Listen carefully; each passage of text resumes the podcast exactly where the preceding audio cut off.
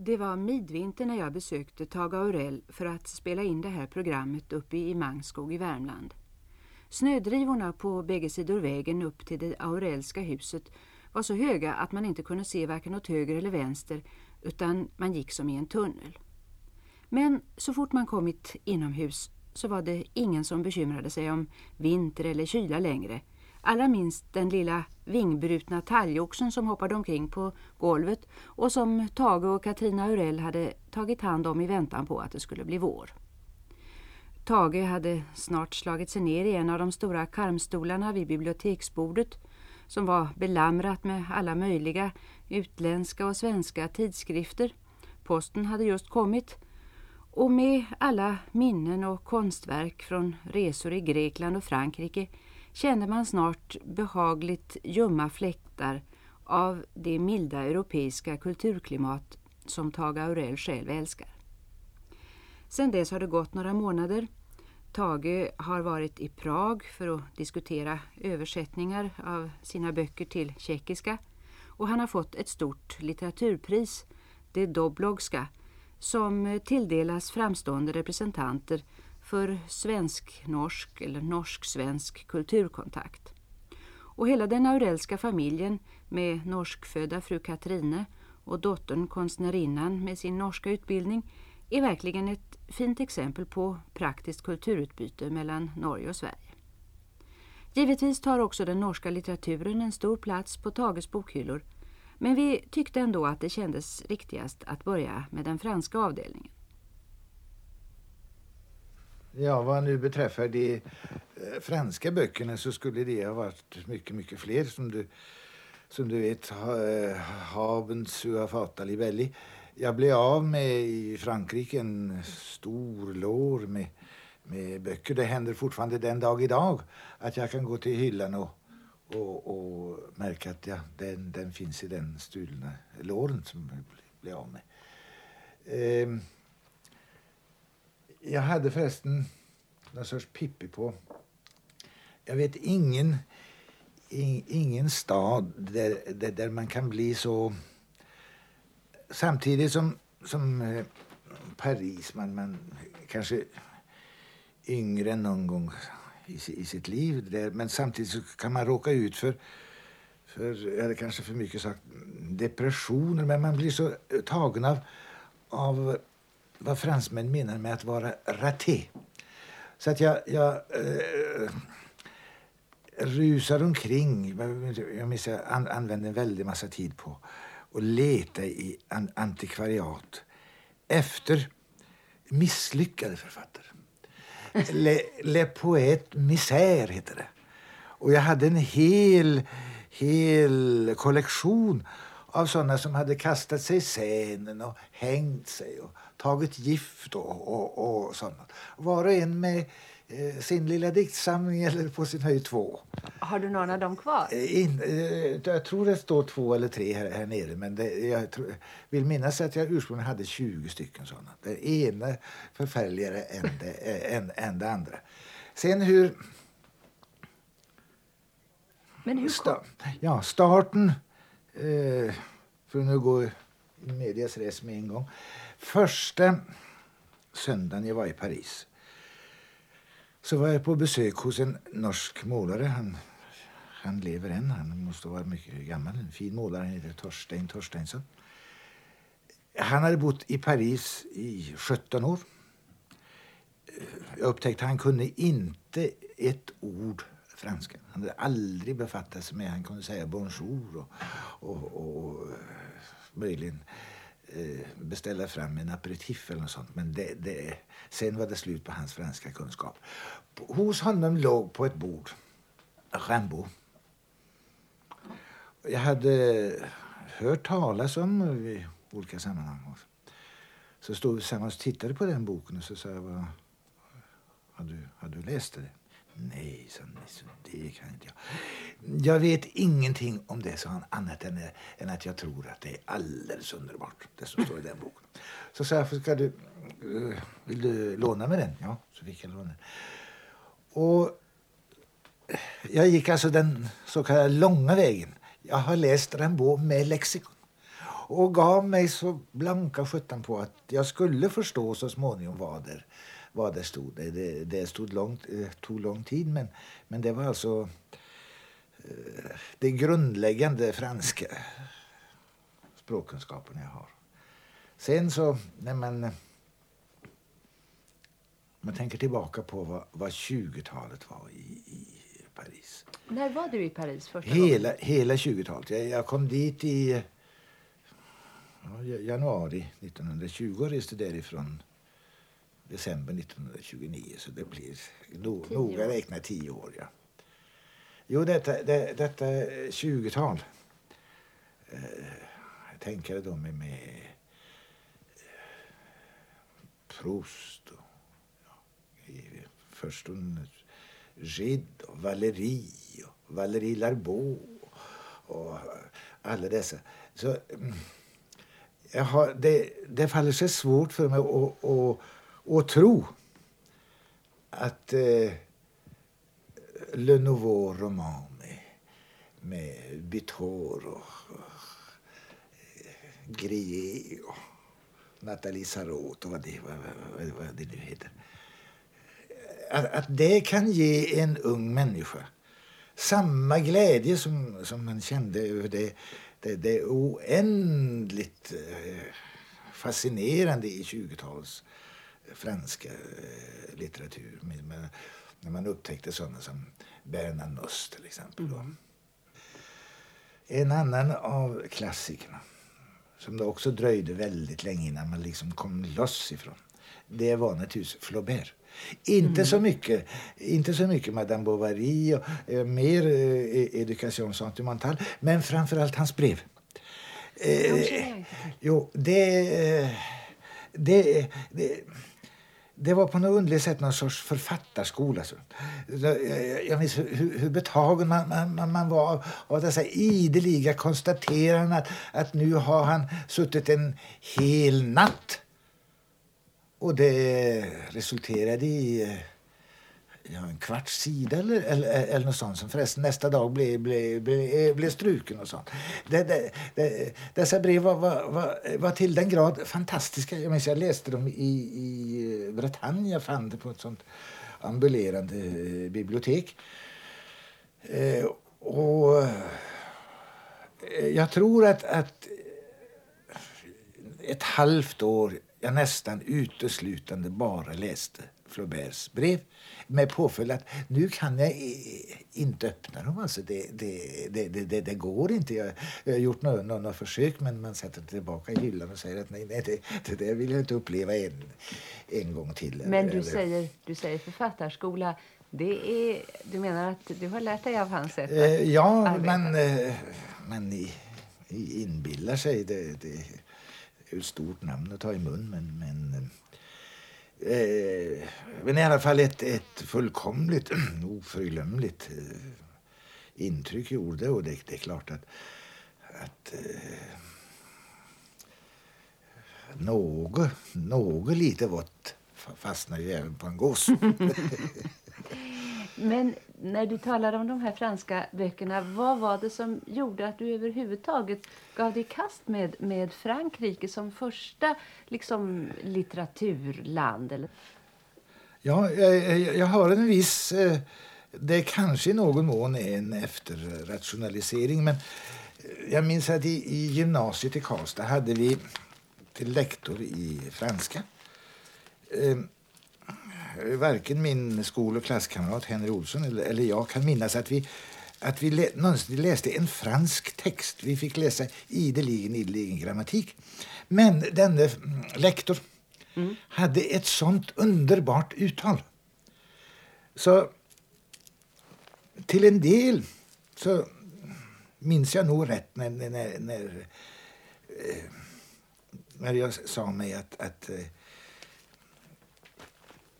i ett land där, där, där de talar så vackert, där, där måste det vara ljuvligt att bo. Så att när, när, när det blev möjligt och, och att, att, att, kunna ge, ge, sig iväg så var det, var det på något sätt självfallet.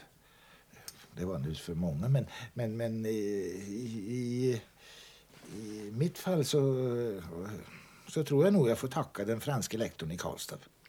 Jag, jag har tagit fram en bok bara på måfå här i hyllan. La Fontaines fabler. Ja. Um, men där finns ett ex libris, Tage Aurell. Vad föreställer det? Det är alltså från Charterkatedralen.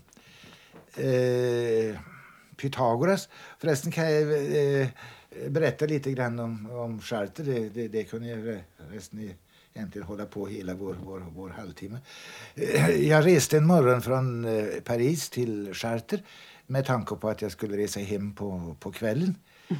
Jag blev kvar en månad så jag hade, hade pyjamas och tandborste och tandkräm och allt sånt som jag köpte i Charter. Och eh, det där fanns på den tiden en katedralvaktmästare samtidigt fotograf som har gjort ett underbart album av, av, eh, av dels den blå madonnan och alla dessa underbara fönster som, som finns där. Och, och så. Charter var eh, kanske, det, nu, är vi, nu, nu är vi där, det, det, det var väl trots allt det, det första Parisårens stora upplevelse. Mm. Och vem har gjort det där ex libriset? Det är en syster till min hustru som har gjort det efter, efter bilden som finns här. Ja. I...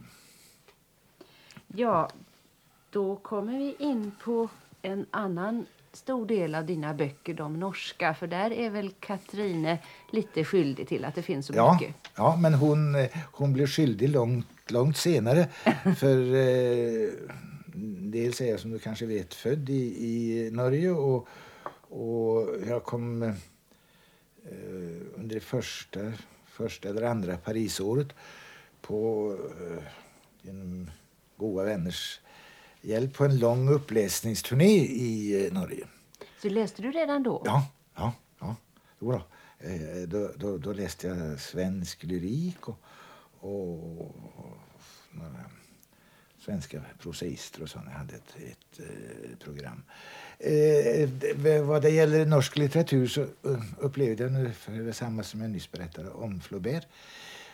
Och det gällde Obstfelder. Det, det är också en sån där eh, feber man får, någon sorts mm. eh, passion. Att man länge inte kan läsa någonting annat än Obstfelder med, med påföljd att man, man får man till, till slut.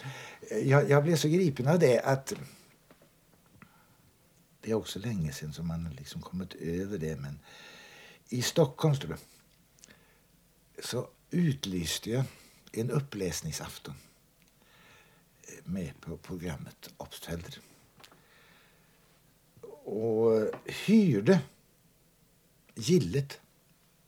Inte små Nej, nej, just det. Eh, och ja, tryckte biljetter det såldes väldigt lite biljetter. Du hade gjort mig mer överraskad ja, om du hade sagt att det såldes för, mycket. Förbluffande lite. Så att till slut minns jag några vänner till mig, eller om det, om det var jag, som ringde till högskolan som det hette då och framförde att om studenter ville komma och fylla bänkarna så var det, eh, var det liksom gratis. Jag hade läst någonstans att, att, att Herman Bang, när, när, när han eh, läste, hade två eh, tända ljus på eh, estraden, eller talarstolen. Och det hade också jag. Och, eh, och jag var alltså själv undantagsvis så gripen av Obstfelder att det här varade länge. Jag tyckte att jag skulle läsa ungefär större delen av, av vad Obstfelder hade. Det är ju i och för sig en, inte förskräckligt mycket men det, det, det, är för mycket för en, för en, en kväll. Um, det, när jag såg Dagens Nyheter dagen efter så märkte jag att Bo Bergman hade varit där. Uh, det var en eh, väldigt reserverad eh, recension. Han hade mycket att anmärka på uppläsaren, självfallet. Jag tror själv att det var oerhört eh, dilettantiskt. Alltså. Man kan ju inte bygga bara på, på entusiasm. Eh, som sagt, han, han hade en hel del mycket grava och säkert alldeles riktiga anmärkningar. Men det slutade med ett sånt typiskt Bo Bergmans tröstepiller det stod att när jag kom hem tog jag i alla fall ner obstfällor från hyllan. Eh, det, var, det var som sagt, eh, fyllde på mitt behov av tröst. Mm. Eh, däremot det fanns på den tiden ett, ett eh, boulevardblad i, i Stockholm. Där stod en fullkomligt nedgörande, från början till slut, nedgörande recension som på ett ställe tra travesterade Obstfelders Jag ser, jag ser, jag är visst kommit på en fel klode. Jag ser, jag ser, jag är visst kommit i ett fel hode. Det var också antagligen alldeles riktigt. Men andra norrmän? Ja, sen eh, fogades det så tack vare att den här uppläsningsturnén eh, till hälften var bekostad av Norges landsmåls... Eh, Mm, vad det heter, landsmålsförbund eller landsmålsförening och så vidare. Eh, då liksom hörde det till när jag kom tillbaka eh, till Oslo eh, att man skulle uppvakta Garborg tillsammans med några ungdomar. Då, så kom jag dit. Det var förresten en, en underbar vintrig söndags eftermiddag. Eh, Hulda Garborg strålande som, eh, med sån där eh, kopparbrosch vet du, och, och, ja. och eh, sån flätor och sånt. Och så ringde det telefon. Det kom en tjänsteman in och sa att det var telefon till fru Garborg. Det var från den, den och den. Och då sa åh, det samtalet kommer att vara länge. Så du, eh, Arne sa, när du nu har druckit ur det kaffet där så fyller du i. I, i pejsen i den öppna spisen så stod en sån dekorativ kaffekokare på tre ben som det antagligen aldrig har varit något, något kaffe i. Den tog Garborg och hällde och hällde och hällde och det kom inte en droppe ur. Och så sa han det till, till, till slut på kaffet. Sa Och så satte han eh, kaffekokaren till, tillbaka och gick och satte sig där han hade suttit hela tiden förut på, på, på en bänk vid dörren. Sa inte någonting. Så serverades det en supé, en underbar sådan med korv och vin och lite syd, sydtyskt. Och eh, Garbo då satt i någon sorts äh, sån där, äh, stol och vi åt och, och pratade och han sa ingenting. Tills han plötsligt vände mot mig och sa eh, det är svensk. Eh, ja, sa jag det. Minns det något av 1905? Ja, sa jag, det, det fogar sig så att, att jag stod med, vid min fars hand på Stortorget i Karlstad när eh, unionen upplöstes. Och, och de kom ut på balkongen där på Frimurarlogen och talade om att nu, nu var, det, var det slut. Och, och den, eh, den rena svenska flaggan gick i topp. Det har visst aldrig druckits på Stadshotellet i, i Karlstad sådana floder av punsch som det dracks denna. Det fick jag höra, höra sen. Eh, då började Garborg att berätta om 1905. Han kunde det till den grad utan, utan till att han sa att det stod, det stod 1902, så han, den eh, 27 oktober stod en ledare i Svenska Dagbladet där det sades det och det. Sen berättade Garborg om, om 1905, tror jag, eh, ja, ett par timmar. Flödande. Och plötsligt, eh, när det tydligen var lika tyst igen. Men det var, det, det var något så fantastiskt att, att, att, höra. Sen, eh, ja, jag har varit en gång till i Norge, på, två gånger till på, på en turné. Och en av dem så råkade jag Kollet Fukt och Olaf Bull. Ja. Eh, Herman Wildenwey hade varit ute på, turné. på, på turné och fantastisk publiktillströmning och, och, och sånt. Och så hade väl, utan att jag det vet, eh, Colette Fucht och Olaf Bull tänkt som så att de också ville ha med lite grann av Norges plötsliga intresse för lyrik. Så de reste också ut på en, en, en turné eh, med inte jämförbar succé.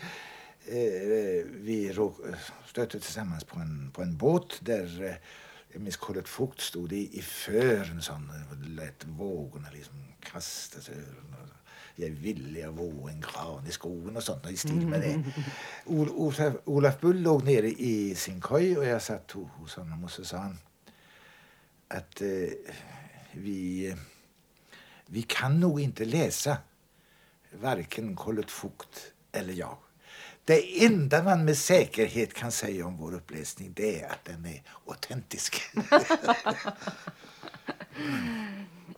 Och sen eh, är det svårt att överge Norge. Jonas Eh, Lie. eh, Jonas Lie, ja. Eh, Jag hade, hade...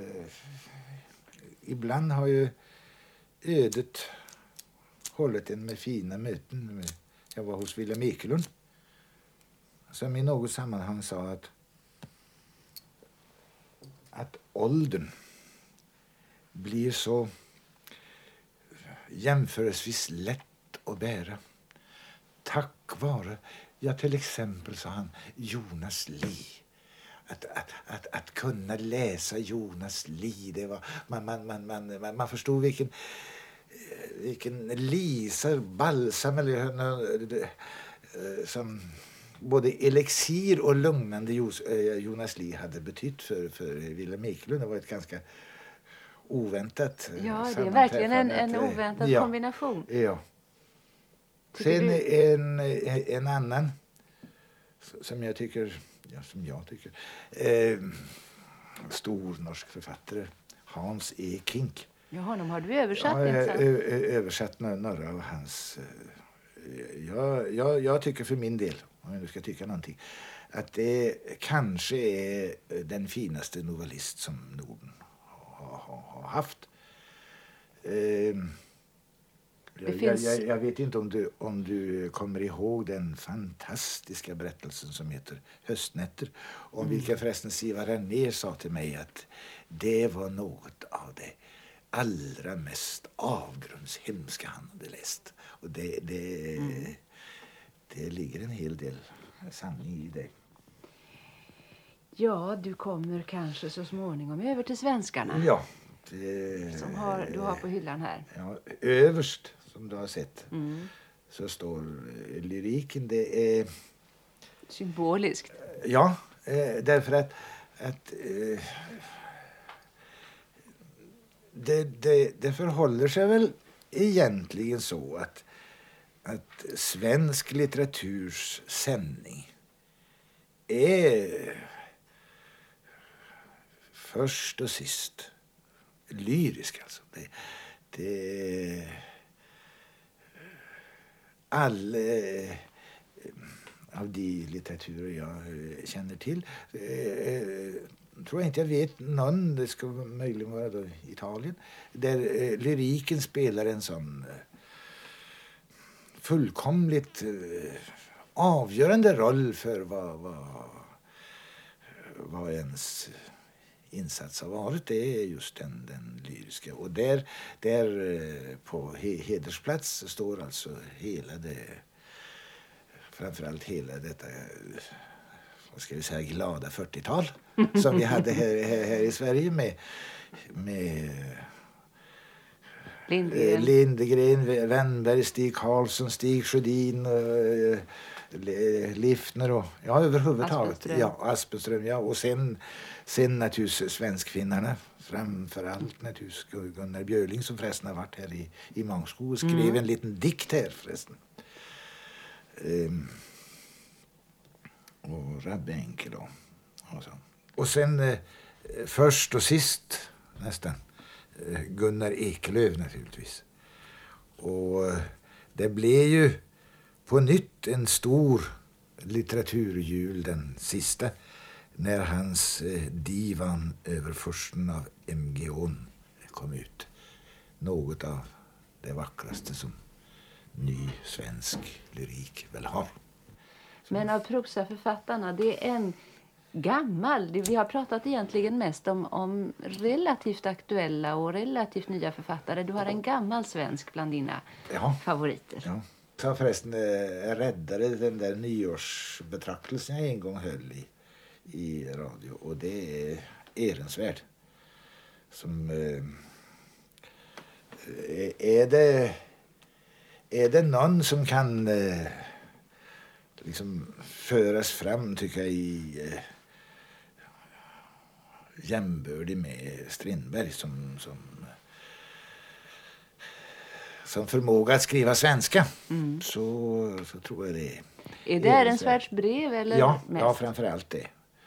Och överhuvudtaget hans, hans karaktäristiker av vännerna och hans filosofi. Mm. Och, och eh, det, eh, jag vet inte hur pass sann eller apokryfisk historien är som förmedlar att eh, Gustav III skrev till Ehrensvärd som var i Rom att nu får du pallra dig hem, nu har du varit länge nog där. Och när då kungens brev kom så berättas det att Ehrensvärd sitter sista kvällen i, i Rom och tänker på att nu, nu ska han hem till detta vintriga arktiska land. Tage, det är precis som och, det hade varit till dig som det hade kommit ett kungabrev. Ja, och då, då, då, lär han ha skrivit i sin dagbok att det torde vara fel att lappen skall äta ananas. En underbar formulering. Ja. Men... Och sen naturligtvis Strindberg. Det, mm. han, han står i, i röda skinnband där som du ser. Mm, mm, och eh, det, det är också en det, gammal det, ja. vän. Oh, ja, det, det var redan från skolan hur man för och emot. Eh, det är förresten eh, fint att ha upplevt. Det påminner lite grann om, jag minns i, i Paris när jag som så vackert heter skulle studera vid Sorbonne så var jag med på, deltog i ett seminarium om Stendhal. Eh, förresten av den så småningom alldeles europeiskt berömde Paul Lazar. Mm. Eh, där Eh, de franska studenterna när de kom ut, det var två timmars seminarium, så var en liten rast emellan. Som på liv och död diskuterar Stendhal precis som det varit en aktuell författare. Han i alla fall mm. levt för mm. närmare hundra år sedan. Parti för och emot mm. Stendhal. Så kunde vi diskutera i skolan. Eh, Strindberg. Och, och den, den värme man, man fick jag det, den, den, är, den är ju kvar än. Men eh, man kan ju bota en, eh, en trist kväll med att bara ta ner Hemsöborna. Det, mm. då, då anar man hur, hur det egentligen ska skrivas på svenska. När började du översätta? Ja... Eh, Strindberg menar jag. Eh, det... Pitoef Mm. teatermannen mm. i, i, Paris, hade sagt till eh, en av sina vänner som jag kände att, att han ville, ville spela Strindberg. Och, och ja, det var först från Hamsun förresten vid, vid Rikets port som jag, eh, som jag översatte. Och det där blev förresten en, en trist historia som vi nu inte ska gå in på. Den blir, den blir för lång. Men eh, det förde i sin tur med sig att eh, en fransk förläggare, Stocks förlag, eh, jag fick ett brev om, där, där det stod att de hade kontrakterat eh, de och de eh, pjäserna av Strindberg om jag ville översätta det. Det, det, det är ju sånt där tilltag som man gör bara när man är, är ung och inte, och inte riktigt begriper vad man, vad, vad man ger sig på. Eh, jag översatte fem pjäser. Eh, det enda som kom ut var fem enaktare. Det står det på hyllan. Det kom mm. ut 1927. Cinq pjäser en akt. Sen har det dröjt snart 30 år. Va? Och nu? Eh, det kom ett eh, kort igår som berättade för mig eh, att de spelar den, där lilla Strindbergs enakten, en förtjusande lilla pjäs som heter Den starkare.